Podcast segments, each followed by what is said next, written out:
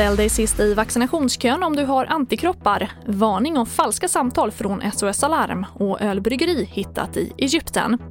Ja, här är TV4-nyheterna som börjar med att de som har haft covid-19 bör ställa sig sist i vaccinationskön. Det menar forskare bakom en ny studie från Danderyds sjukhus och KI som visar att majoriteten av de som har antikroppar dels inte blir sjuka eller kan bära på viruset och föra smittan vidare.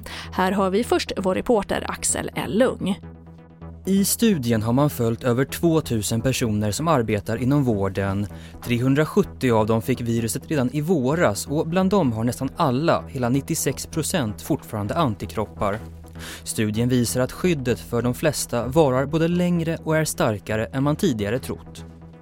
Vi har inte vaccin till alla nu och då, den här datan eh, visar ju att man, eh, de som har antikroppar behöver inte just nu och eh, i alla fall inte allra mest. Så jag tycker att man har med sig att man har haft covid-19 bekräftat antingen via PCR-test eller antikroppar så tycker jag man kan ställa sig sist i kön för vaccin och låta de som behöver det mer vaccineras först.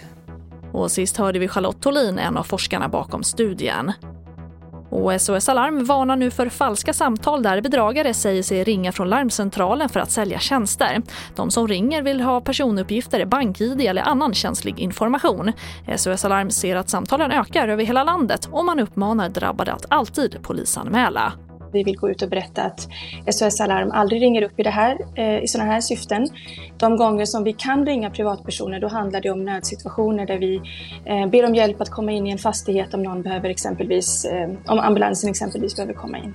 Och det sa Sara Hummerdal, presschef på SOS Alarm.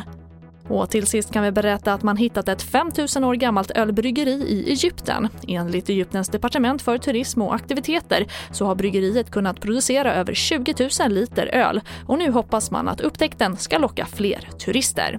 TV4-nyheterna, jag heter Charlotte Hemgren.